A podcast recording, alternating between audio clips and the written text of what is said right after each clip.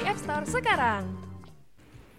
Assalamualaikum warahmatullahi wabarakatuh. Waalaikumsalam warahmatullahi wabarakatuh. Selamat datang di episode perdana dari podcast Kita Umroh.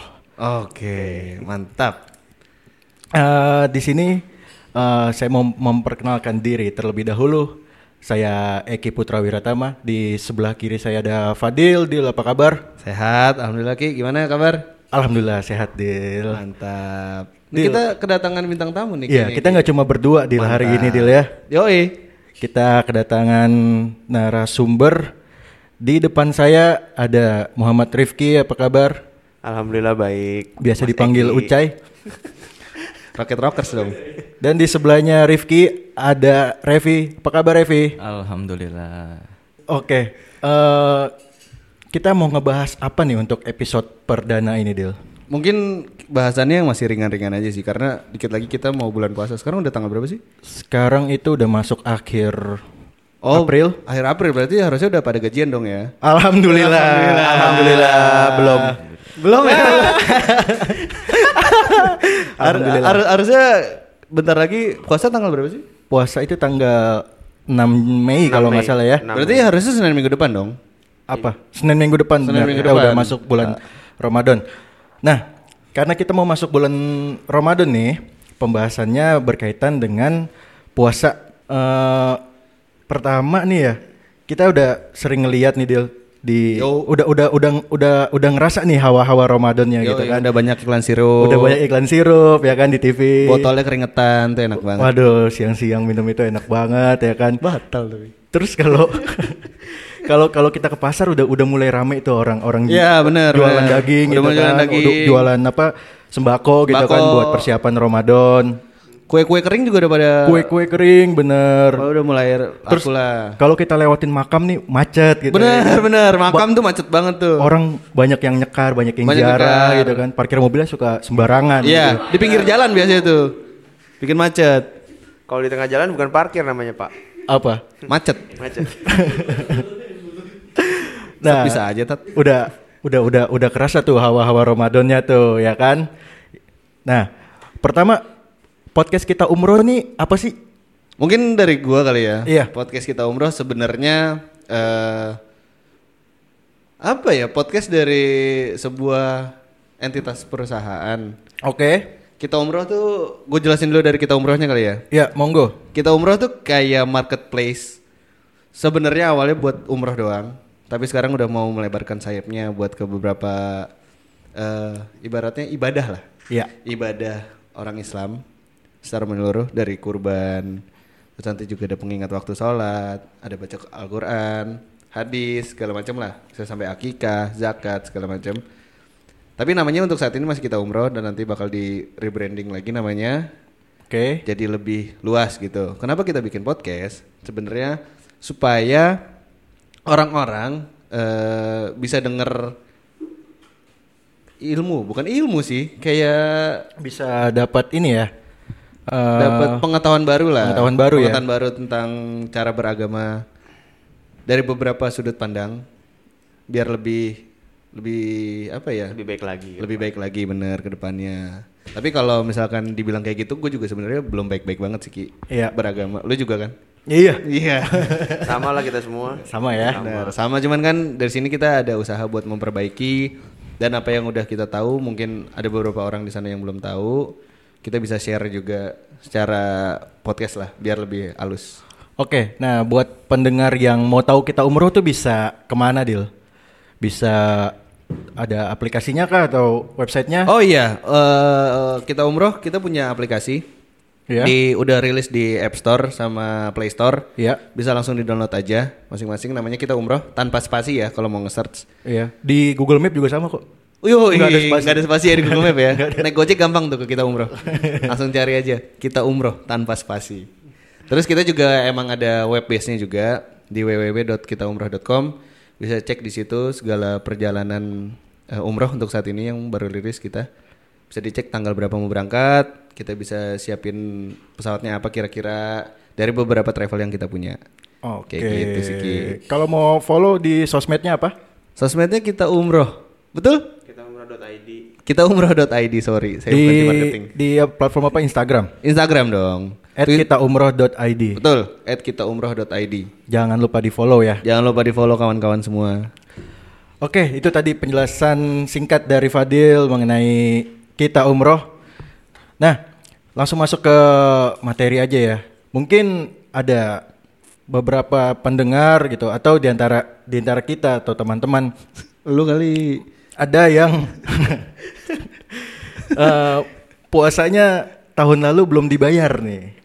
Tuh, ada utang puasa. Iya. Entah itu sakit, Iya. berpergian kan jadi mereka nggak puasa kan. Iya, Sampai saat ini belum dibayar. iya. Nah, apa pun itulah penyebabnya. Betul. Dan dia batal puasa. Betul. dan mau masuk bulan Ramadan ini puasa yang tahun lalunya belum dibayar gitu nah mungkin dari narasumber atau Fadil bisa jelasin nih bagaimana hukumnya kalau puasa tahun lalu belum dibayar tapi kita mau masuk bulan Ramadan Mungkin kalau dari gue, gue juga nggak bisa jawab sih Ki. Jadi paling kita coba tanya ke narasumber yang ada di depan kita, Revi Oke. sama Ucai nih. ya Gimana, Bapak Revi dan Bapak Ucai? Untuk hutang puasa ya, Iya, utang puasa. eh karena untuk eh, hutang puasa ini sebenarnya ada beberapa macam. Kita boleh membatalkan puasa.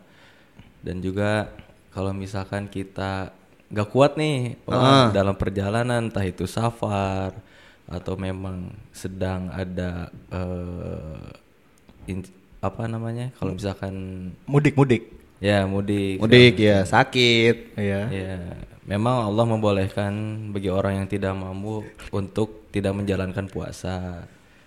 Entah itu karena sakit, entah itu karena safar dan segala macam. Mungkin yang perempuan juga ada Iya. haid. Tapi sorry Hate Tat, ya. sorry Tat mau nanya, eh sorry Tat, sorry eh, eh, Bapak Revi mau nanya nih, kalau misalkan perjalanan itu dikatakan dia boleh tidak berpuasa itu kira-kira berapa jauh? Atau misalkan udah beda kota, misalkan kan Ja- Jakarta Bekasi ini kan juga beda kota kan? Apakah itu dia diperbolehkan buat tidak berpuasa atau gimana? Kalau ya kalau yang saya tahu sih sebenarnya kalau untuk perjalanan safar sendiri itu eh, kalau umat muslim diwajibkan puasa. Entah itu berapa jauh jaraknya. Tapi memang kalau misalkan umat tersebut tidak kuat, dia boleh membatalkan. Ada keringanan lah Ada ya. keringanan seperti itu. Jadi sebenarnya kalau dia Jakarta Bekasi juga memang tidak kuat karena mungkin bukan kebiasaan dia sehari-hari buat komuter dari Jakarta ke Bekasi kan pasti ada kecenderungan buat dia nggak kuat ngelakuin perjalanan itu berarti sebenarnya nggak apa-apa dong kalau dia ngebatalin karena dari dirinya sendiri juga dia merasa nggak kuat gitu buat ngejalanin Itu sih eh, bisa-bisa aja, cuman itu dia nggak masuk ke musafir kategorinya. Kalau ketika dia musafir, itu dia boleh membatalkan karena dia sudah menjadi musafir gitu. Tapi untuk tadi kan hanya jarak ya. Heeh. Kalau ada pendapat sih eh, untuk jarak bisa dikatakan seorang itu musafir itu sih eh, sekitar 80 km. 80 km 80 km, Oke, kayak berarti Jakarta Bekasi kan nggak nyampe Iya. 80 kayak gitu. Jakarta Bogor berarti lah ya Ya mungkin pokoknya kalau Tapi kalau menurut gua, kalau kalau menurut saya nih, misalkan Gua juga nggak apa-apa, Dil. Oh iya, kalau menurut gua. jadi jadi biar lebih santai ya. Tegang kita banget. diskusi. Iya, Tegang iya, banget. iya, kan benar kita diskusi nggak sama Ustaz. Iya benar benar. Kita sebagai anak muda yang ingin tahu lebih lah tentang menyambut bulan Ramadan. Betul apa betul. Jadi perbincangannya perbincangan kita kita aja biasa di tongkrongan. Ah, tapi nggak menyimpang juga. betul insya betul. Allah gitu. Nah, nah kan biasanya gini, Cai kalau misalkan orang yang biasa pulang pergi Jakarta Bogor, Jakarta Bogor jaraknya berapa kilo sih? Kalau boleh tahu? 60 sekitar 60 lebih 60-an ya. iya Oh jadi memang belum 80 ya? Belum 80. kalau 80 biasanya dapat allowance tuh Iya. itu kalau di perusahaan, kalau di perusahaan lama tuh dapat tuh uang dim. saya dapat waktu itu soalnya sama saya juga ke Solo ya, Pak. oh iya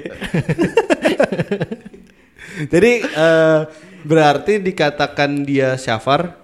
Bener ya Ref? Syafar ya namanya? Safar ya. Ya, sama. Ya, dikatakan syafar berarti adalah orang yang berpergian, berarti musafir. Ya. iya Jaraknya di atas 80 kilo. Ya. iya Betul, itu orang yang diperbolehkan untuk tidak berpuasa. Ya. Eh sebenarnya diwajibkan buat berpuasa, cuman dia dapat keringanan. Iya. iya Dapat Oke.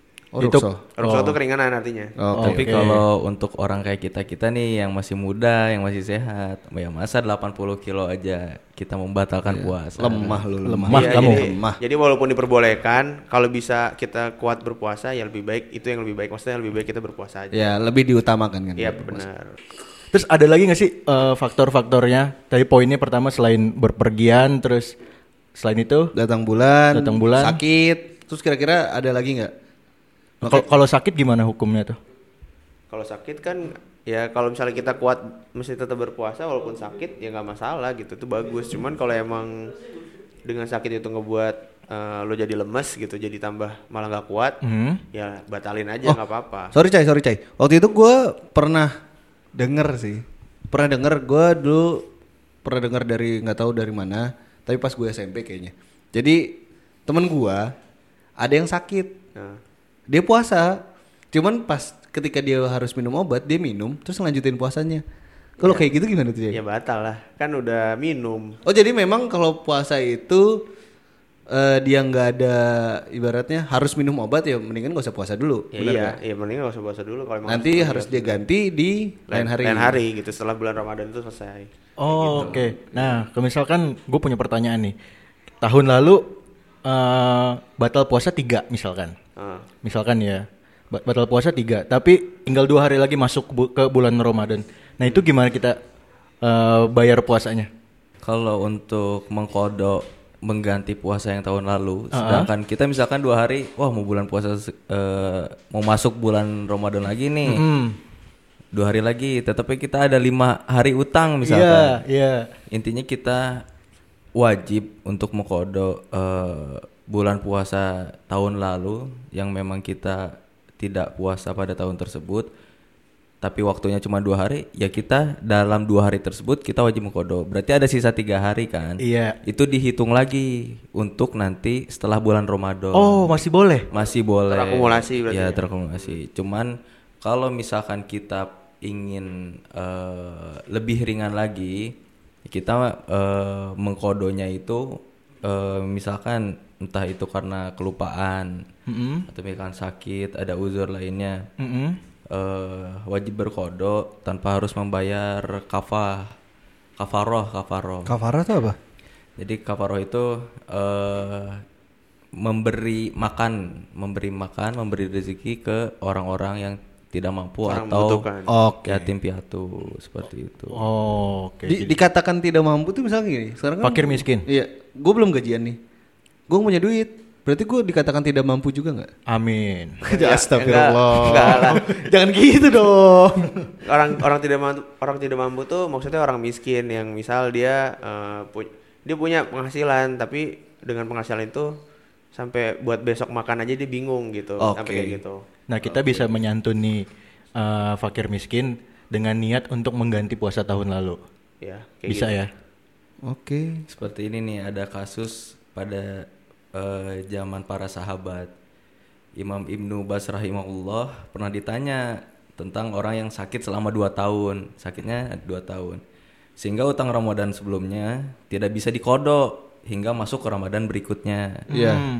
Jawaban yang beliau sampaikan adalah dia tidak wajib membayar kafaroh jika dia meng- mengakhirkan kodok disebabkan sakitnya hingga datang Ramadan berikutnya. Berarti kan Ramadan berikutnya dia masih sakit kan. Heeh. Nah, namun jika dia mengakhirkan kodok karena menganggap remeh, misalkan "Ah, antar aja lah, eh, nanti aja lah udah bulan puasa selanjutnya lagi kan, kayak gitu. Maka dia wajib kodok dan bayar kafaroh, jadi dua kali. Udah mengkodok, terus mengkafaroh juga. Karena melalaikan. Ya, karena mereka dengan memberi makan orang miskin sejumlah hari utang puasanya. Misalkan dari hari dalam bulan Ramadan tersebut kita lima kali nih Heeh. kita wajib memberi eh, makan orang miskin eh, dengan nominal kita biasa makannya berapa mengeluarkan uang atau makannya seperti apa dalam lima hari berturut-turut seperti itu Tapi dalam lima hari berturut-turut itu juga orangnya satu. Ya orangnya satu Oh, jadi memang satu hari itu dibayar buat satu orang. ya dibayar untuk satu Oke. masih ada beberapa pendapat sih sebenarnya entah itu harus satu orang atau misalkan kita langsung eh, mengajak beberapa orang Cuman keba- eh, kebanyakan sih satu orang yang satu seperti itu. Oke. Nah, ini gua gua sempat batal puasa beberapa kali di SMP sama SMA. Kan ya masa-masa Jahiliyah. jahiliyah lah. T- Teman-teman gua pada ngerokok, pada makan di warteg, ikutan. Nyoba jalan, wah enak ya batal ya ternyata ya. Mungkin Nyampe rumah, nyampe rumah puasa lagi. Nyampe rumah puasa lagi, orang tua Buka nggak puasa tahu. ikut. Buka puasa ikut, seger banget kan minum sirup gitu, eh, gelasnya keringetan. Nah itu kan gue ingat sampai sekarang jumlahnya berapa yang gue batalin. Itu harus diganti juga nggak? Iya harus diganti. Jadi gini, eh, misalkan kalau begitu kan sengaja menunda kodo kan hingga masuk Ramadan berikutnya. Iya, Terus kita melakukan lagi Ramadan berikutnya kita lupa lagi misalkan kan. Eh, ada tiga hukum sebenarnya untuk kasus kayak eh, Mas Fadil ini. Melalaikan. Ya melalaikan. Wow. Hukum kodonya itu tidak hilang, jadi wajib mengkodo. Walaupun misalkan eh, Fadil lupa nih berapa jumlahnya. Cuman kalau bisa inget-inget lah. Ya Iya. udah misalkan Gue taksir gitu lah ya, ya. misalkan kebanyakan udahlah sebulan aja ngekodonya. Oke. gitu. Oke mantap. Artinya tetap wajib mengkodo sekalipun sudah melewati Ramadan berikutnya. Oke. Gitu. Terus untuk keduanya kewajiban bertaubat. Jadi kita harus bertaubat juga bahwa kesalahan-kesalahan masa lalu saat bulan Ramadan entah kita itu makan dan kita sengaja membatalkan, kita juga wajib bertobat dan jangan juga melakukan hal tersebut. Gitu. Dan yang ketiga ya harus membayar kafaroh atas keterlambatan ini. Oke. Jadi mengkodo iya, Bayar kafaroh bayar juga. kafaroh juga iya. Jadi dua kali lipat karena kitanya melalaikan. Dan jangan lupa juga bertaubat juga seperti itu. Wow. Cukup jelas ya. Cukup Dile? jelas jelas banget Cukup sih. jelas ya. Jadi gue tahu dong sekarang nih. Heeh. Emang emang lu masih ingat Dil? Jujur sih gue dulu lupa. Gue gue ingat. Maksudnya gue berapa kali Batal. batal. Kalau gue sih ingatnya dulu pernah batal tapi gue nggak inget berapa Berapa, kali. kalinya. Iya. Jadi itu berdasarkan taksiran kita aja dong. Iya. Benar benar benar. benar. Wartegnya inget kan tapi? Warung nasinya juga gue inget sih. Ada gordennya biasanya Iya. tuh Nasi, ditutup tuh ini, kan. Nasi goreng Cirebon. Makanan yang Gue di tahu tuh di mana tuh. makanan yang dimakan inget. inget. Apa? Gue kalau buka puasa tuh pasti pakai Fanta ini hijau. Buset. Zaman dulu tuh ada Fanta hijau kan. Wah itu Ada, enak ada. banget. Sampai sekarang masih ada cuma jarang. Cuma jarang kan. Sekarang banyaknya merah sama oranye. Dulu hijau tuh enak banget. Jarang soalnya stokin dulu. Wah, Fanta kita iklankan nih. Maaf ya Fanta, kita ambil namanya. Sorry. Fanta hari ini gratis ya. Harga ini gratis. Besok tetap Iya. gratis. Nah itu tadi kita mau memasuki bulan Ramadan nih. Betul. Nah ketika kita memasuki bulan Ramadan itu kan biasanya eh, kita eh, apa namanya sangat khusyuk sekali beribadah gitu kan. Betul. Karena nilai nilai pahalanya ibadah di bulan Ramadan itu melebihi Di hari-hari eh, biasanya. Di hari-hari lain dan di bulan-bulan lain gitu. Bener ya? Iya. Ya kan ya. Nah untuk eh, kalau kita memasuki bulan Ramadan nih eh, ibadah sunnah pun nilainya bisa menjadi seperti wajib ya. Bener gak? Kayak Ya, gitu. Pokoknya setiap eh, pahala yang didapat di bulan Ramadan itu sekitar seribu kali lipat dari bulan biasa. Oh. Entah itu mau sunnah mau wajib. Ya kayak gitu. Tapi tapi jumlah pastinya memang kita nggak tahu kan. Nggak tahu. Oke Cuman oke emang oke. dilipat gandakan lagi bulan Ramadan itu udah pasti amalan-amalan yang kita buat itu eh, pahalanya dilipat gandakan. Oke. Cool cool. Nah kalau kita eh, di bulan Ramadan ini kita bertamu ke rumah Allah, kita berangkat umroh gitu. Itu sebenarnya pahalanya sama atau lebih berkali-kali lipat lagi? Oh berkali lipat lagi. Nah itu bagaimana? Karena intinya sehari kita melakukan perbuatan amal baik dibalasnya seribu kali pada saat bulan Ramadan. Makanya jangan main-main saat bulan Ramadan. Hmm. Karena itu adalah eh, wadah kita untuk mendapatkan pahala lebih banyak lagi. Seperti itu. Tapi Di bulan itulah kita nabung ya, Iya. nabung pahala gitu. Jangan main-main. betul kalau Kalau kalau main-main aus. main bulu tangkis tuh habis tuh batal jadinya. Kalau kalau misalkan pahalanya kan dilipat gandakan nih. Iya. Dosanya juga dilipat gandakan nggak? Untuk dosa di situ juga Allah membuka pintu pahala dan juga membuka eh, pintu maaf. Jadi di situlah kita pada saat bulan Ramadan banyak-banyak mengambil pahala dan juga kita banyak-banyak bertaubat agar eh, dosa-dosa kita banyak terampuni. Makanya bulan suci Ramadan ini eh, sebuah kegiatan yang harus kita excited nih. Wah, Iya sih. gua harus banyak dapat pahala nih dan juga harus mengampuni, harus menghapus dosa-dosa yang lalu. Biasa, biasanya sih gitu sih awal-awal Iya. minggu-minggu awal enggak Ki. Rame tuh taraweh sampai luar-luar, sampai di sampai sendal, pasang- sampai tuh. pasang tenda. Iya. Sampai pasang tenda di sendal terus udah akhir-akhir udah pada mudik orangnya. kemajuan. Ada kemajuan. Orangnya makin maju sampai maju. Biasanya awal sama akhir namanya. ya. awal sama akhir. Wah. Tapi kalau hari-hari sepi, misalnya pada mudik kan siapa tahu dia jadi sholat tarawihnya di kampung. Iya betul. Iya. Makanya kan gue bilang mudik. Jadi di mungkin di kampungnya juga ya taraweh habis taraweh baru main petasan. Tadi untuk ah, tadi gue tambahin sedikit untuk Iya. yang pertanyaan Eki yang kalau umroh di bulan Ramadan itu pahalanya kayak gimana kan? Iya. Jadi ini eh, apa? Itu keutamannya ada lagi. Jadi ini sesuai dengan hadis eh, riwayat Bukhari nomor 1782 dan Muslim nomor 1256 itu jika Ramadan tiba berumrohlah saat itu karena umroh Ramadan itu senilai dengan haji. Jadi pada Wow. jadi ketika kita umroh di bulan Ramadan itu pahalanya sama dengan orang yang sedang berhaji kayak gitu. Kita umroh, Cai. Di kita umroh juga ada paket tahu buat Ramadan. Oh iya. Iya, iya. Oh ada, ya udah. Harganya startingnya kalau nggak salah 28 juta deh. Malah bisa dapat Lailatul Qadar juga kan? Iya benar, insya Allah.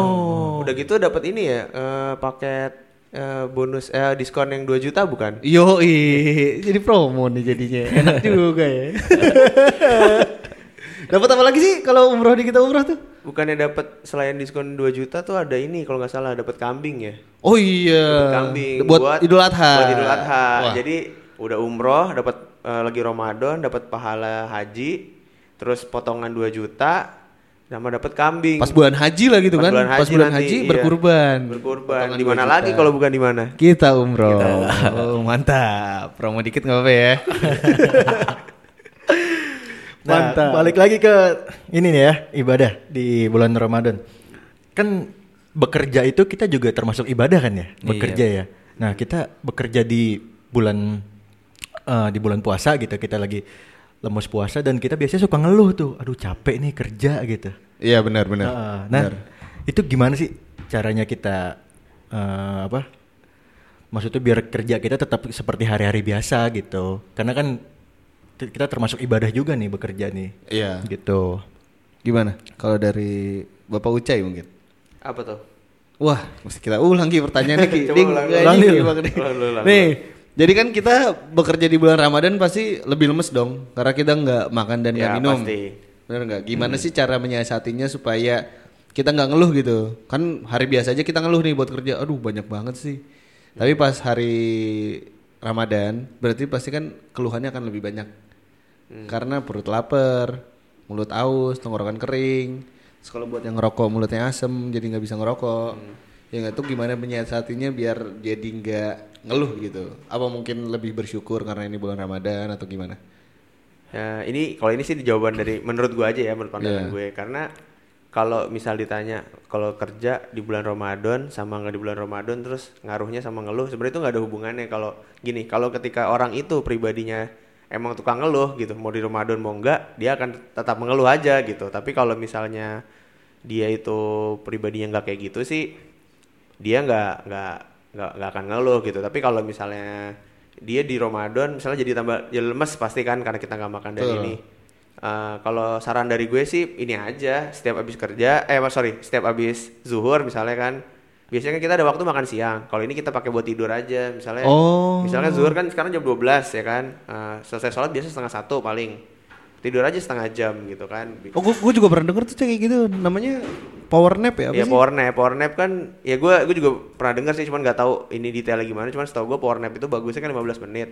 Cuman menurut gue setelah zuhur tuh dari jam setengah satu sampai jam satu setengah jam kan cukup lumayan Lumayan lah ya. untuk, untuk tidur. Jadi kan setelah itu segar lagi kayak gitu Karena tidur di bulan puasa itu memang ada pahalanya katanya ya. hmm, gue gue kurang kurang tahu deh coba Revi bisa jawab mungkin Kalau yang saya tahu, Oke. yang saya tahu ada hadis yang menyatakan bahwa tidurnya orang yang berpuasa adalah ibadah. Hmm. Terus diamnya adalah tasbih dan doanya adalah doa yang mustajab. Lalu pahala amalnya pun dilipat gandakan seperti itu. Eh, hadis ini dari Abdullah bin Aufi dan hadis ini dibawakan oleh Al Baihaqi dalam Syawbul Iman. Eh, terus dalam hadis ini juga terdapat Maruf bin Hasan dan dia adalah perawi yang doif lemah. Jadi untuk hadis tersebut sih eh, masih doif, Doif ya? lemah. Doif, iya. lemah. Oh, doif itu lemah artinya. Doif itu Iya. lemah.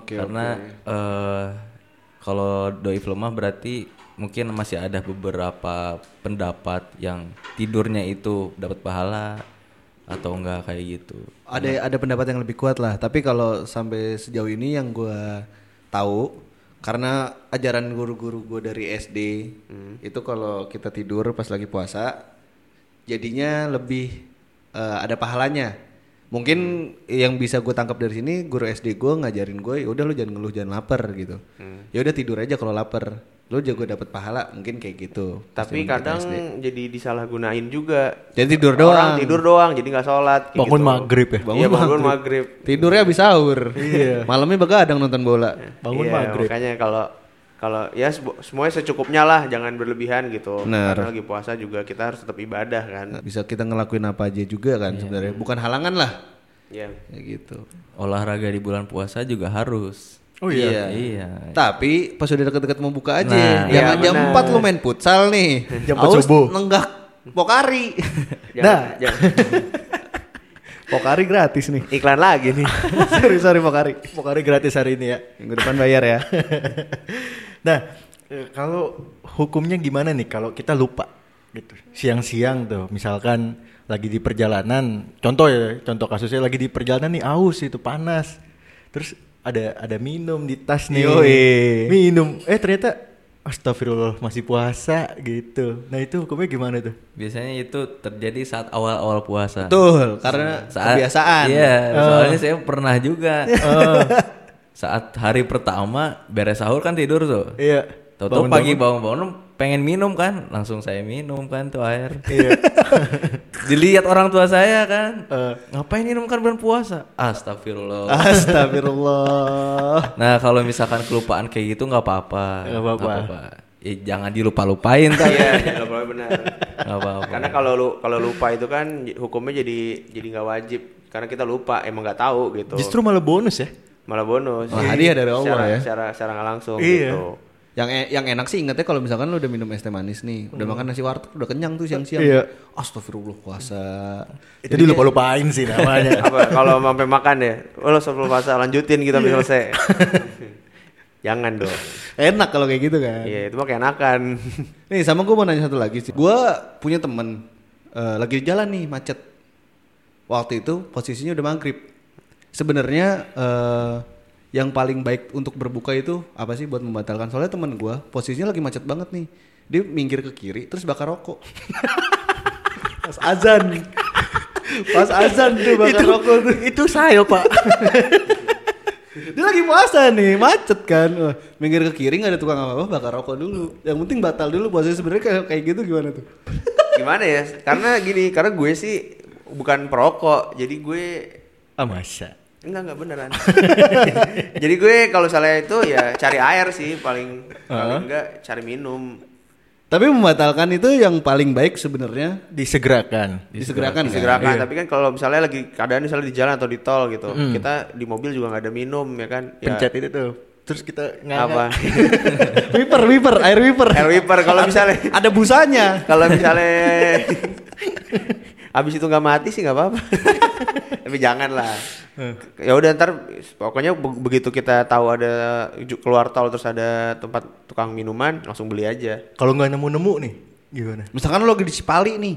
Jarak rest areanya tuh Ada di di mobil ada cuman aqua botol nih tapi yang udah udah buluk banget, udah tahu kan lu modelnya kayak gitu udah kan. jelek tuh. Nah, itu udah kayak kena paparan sinar matahari sama rokok misalkan. Layak minum. ya sebenarnya minum minum minum aja sedikit aja tapi yang penting udah batal asal masuk tenggorokan batal. Heeh. Udah gitu aja Oke. sih. Berarti yang paling baik adalah menyegerakan untuk berbuka. Iya. Untuk Walau- hmm, walau- bahan bukaannya juga Walaupun- terserah kita aja. iya, walaupun sih. ternyata lu udah satu jam belum ada yang bisa lu makan, ketika lu nemu langsung udah.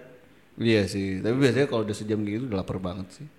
Nah, disegerakan ini ketika kita mendengar takbir pertama kita Allahu Akbar Allahu Akbar atau kita oh udah udah masuk ini nih waktu buka nih 17.40 misal 17.45 gitu misalkan. Tapi belum kita belum dengar ajan nih. Kalau untuk buka puasa tuh bukan dari azan, Heeh. tapi Dari dari, beduk. waktu. waktu maghrib. Dari waktu maghrib sudah masuk, Heeh. misalkan anda muazin, jangan langsung azan, berbatalkan dulu puasanya. Oh, emang muazin itu agak sedikit telat pas bulan Ramadan Karena, karena, dia minum dulu. Iya. Ya, karena diminum dulu. Ka- Kalau muazinnya langsung azan, ntar hilang suaranya belum Iya minum, dia- belum iya. makan. geduk eh geduk gebuk beduknya juga nggak ada tenaga kan. Iya, lemes. Ntar bikin meleleh. bau ya. Nah itu tuh bau bau orang yang berpuasa itu adalah katanya gue pernah dengar juga ya kayak baunya tuh kayak parfum dari surga. lebih wangi daripada lebih wangi daripada minyak kasturi. Nah iya itu parfum dari surga kan katanya di mata Allah. Dari Arab sih taunya. Oh dari Arab ya. Condet juga ada. Ada nabang. Teman-temannya Faris. Terus eh, kira-kira kalau dari kalian berdua nih eh, ada nggak tips-tips buat menghadapi bulan Ramadan? Misalkan ya lebih gimana ke tarawehnya atau jam kerjanya atau gimana dari kalian? Buat yang keseharian kita aja. Buat gua sih terutama buat gua tipsnya. Keseharian ya. Kalau untuk tips sih niatkan diri kita dahulu. Kita ini mau masuk bulan suci, bulan paling suci yaitu bulan Ramadan. Niatkan kita untuk beribadah, untuk mendapat sebanyak-banyaknya pahala. Lalu kita juga bertaubat sebanyak-banyaknya karena kita gak tahu dosa kita kan berapa nih. Iya benar. Dari dari sekarang kita harus mempersiapkan eh, dan juga niatkan bahwa ibadah ini adalah ibadah yang paling ditunggu-tunggu oleh umat muslim. Jadi kita juga harus berbagi, misalkan pas saat berbuka puasa kita ba- bagi-bagi nih di jalanan. Iya. Kita mengikuti sosial eh, kegiatan sosial juga seperti misal- misalkan eh, entah itu zakat, entah itu memberi pada yang tidak mampu. Karena kan di bulan puasa ini banyak pahala yang dilipat gandakan. Betul. Di situlah kita mer- termotivasi saat bulan Ramadan bahwa wah ini kesempatan kita nih, kesempatan gue nih buat ngambil pahala sebanyak-banyaknya. Benar benar benar. Kayak gitu. Balik lagi kita nabung, nabung pahala di bulan Iya. Ramadan. Iya. Betul. Emang harus ditabung karena di hari biasa juga eh gue nggak mau memungkiri ya iman kita tuh kan memang fluktuatif kan. Iman gue sih sebenarnya. Kadang sholatnya mau di masjid, terus ada saatnya kayak kadang turun sholatnya di akhir-akhir waktu. Kayak gitu kan juga pasti ada kan. Nah kita sebisa mungkin di bulan Ramadan ini ya usahalah, cuman sebulan doang biar lebih apa ya? Lebih dilipat gandakan lah. Kalau bisa ke masjid ke masjid. Kalau bisa jamaah jamaah. Nah, jangan bilang sebulan doang, deal. Dilanjutin. Harus dilanjutin. Iya iya. Oh, dengar. Eh, ini kalau buat gua karena iman gua fluktuatif. Iya. Kadang naik, kadang turun. Buat kita semua lah. Betul betul. Tapi Tapi, ah. gua akan usaha biar gimana caranya akan selalu sholat di awal waktu jamaah ke masjid segala macam. Tapi ada tambahan lagi juga sedikit sih. Kalau misalnya lagi puasa Ramadan itu, kenapa tadi kata Revi kita memberi makan orang yang sedang berpuasa? Karena itu kita dapat pahalanya sama kayak kita sedang berpuasa. Oh. Walaupun nih, kalau kalau ini sih dari gue pribadi ya, ini saran saran dari gue pribadi aja. Kalau misalnya eh lo pengen ngamalin itu, itu sangat bagus. Terus kalau misalnya lo misalnya misalnya lo sebenarnya jangan hitung-hitungan sih, gue nggak ngajarin lo hitung-hitungan. Cuman ketika kalau misalnya ini nih kalau ah gue eh, apa namanya pengen beli ini aqua gelas aja gitu buat taruh di masjid. Ya itu udah dapat lo. Iya. Kan aqua gelas itu murah kan, tapi lo dapat pahala eh, orang yang sedang berpuasa karena lo Aqua Glass paling mahal, Cai. apaan? Yang paling murah air apa gunung apa merek itu? Waduh. Jangan yang merek aqua sih sebenarnya, air mineral gelas. Iya iya iya iya. Ini kita Mengiklankan banyak produk. Iya, banyak produk kita. dari Lanjut lanjut, Cai. gitu. Terus eh sama jangan lupa baca Al-Qur'an kayak gitu. Karena sebenarnya kita banyak nih eh, termasuk gue juga kita di rumah pasti kita punya Al-Qur'an, tapi itu salah satu benda yang paling jarang kita buka atau kita baca Bener sih. kayak gitu. Dibukanya mungkin di Ramadan doang ya. apa iya Kebanyakan ya? kebanyakan kayak gitu cuman kalau eh, kalau bisa di- misalnya kita Ramadan dengan mem- apa menumbuhkan kebiasaan kayak gitu akan bagusnya lebih jadi lanjut sih gitu Jangan cuma anget-anget pas di Amin. Ramadan amin. doang ya. Ah, Insya benar, Allah kita gitu. semua lanjut kebiasaan yang baik di Ramadan. Hmm, Terus Mungkin ada ini lagi sih Mm-mm. itikaf di akhir-akhir Ramadan. Itikaf tuh yang di masjid itu yang kita nginep di masjid. Iya. Nah itu itu juga bagus. Itu mulai dipersiapkan kali ya. Mulai persiapan. Berarti kalau misalkan emang ada yang kerja, kerja kantoran, Mm-mm. Mungkin kerjanya udah ditumpuk di awal Ramadan, jadi pas di akhir-akhir udah lebih santai, jadinya bisa ambil itikaf lah. Iya. Terus pikirannya juga lebih apa plong buat ngejalanin ibadah, nggak ada tekanan dari kerjaan, Hmm, benar. tekanan dari ya hobi-hobi yang biasanya ditinggalin aja dulu. Nah, terus sama tadi nyambung yang per- pertanyaannya Mas Eki yang kalau misalnya kita berbuka tapi kita nggak ada ini sebenarnya kan kita udah tahu nih kalau ini kita lagi Ramadan lagi puasa Iya. kita persiapin aja minimal permen lah kita bawa di kantong atau atau kurma yang kita kita punya. Oke, oke. kayak gitu jadi kalau misalnya lagi eh, apa namanya udah Lagi di mulai jalan. eh, lagi di jalan udah mulai ber, waktu berbuka kita bisa makan itu permen gitu Hmm. sebenarnya air aqua juga bisa sih eh, air mineral juga bisa sih Mhm. tapi kalau takutnya ntar siang-siang Mhm. malah tergoda iya kalau permen kan ya udah di kantong gitu kan bisa lupa gitu kalau kita punya permen Bener juga ya. Iya. gitu Kalau siang-siang haus jadi batal puasanya. ya itu Kayak gitu sih itu saran itu saran pribadi sih karena gue pernah melakukan hal kayak gitu jadi ya itu saran pribadi aja Oke. Oke, dari Revi mau nambahin lagi mungkin? Ada tambahan lagi? Hmm, intinya sih untuk menyambut bulan Ramadan ini kita harus mempersiapkan diri juga untuk menyambut bulan ini, bulan suci ini dan untuk anak-anak muda juga mumpung masih seger nih, mumpung masih fresh, banyak melakukan kegiatan lah, entah itu kegiatan sosial, entah itu kegiatan di majelis. Karena di situ juga kita mendapatkan ilmu. Karena Oke. kita semua ini adalah fakir ilmu. Sampai kapan pun kita butuh ilmu. Betul. Pelajar abadi ya. Pelajar abadi. Iya benar. Oke. Ada tambahan lagi nggak? Cukup sih kalau dari Cukup ya? gua. Nggak ada tambahan Ah, lagi ya. Kita juga udah ng- ngomongnya lumayan lama nih. Oke. Eh, kita udahi aja ya episode perdana ini ya Sedih pertanda podcast kita ngomongin tentang Ramadan. tentang Ramadan. Betul. Oke. Eh, tutup aja ya. Tutup aja, tutup. Kita tutup aja. Oke, makasih yang udah mendengarkan podcast kita umroh. Eh, ada Fadil, Revi, Ucai dan Eki di sini pamit. Wassalamualaikum warahmatullahi wabarakatuh. Waalaikumsalam warahmatullahi wabarakatuh. Sampai jumpa di episode berikutnya. Terima kasih. terima kasih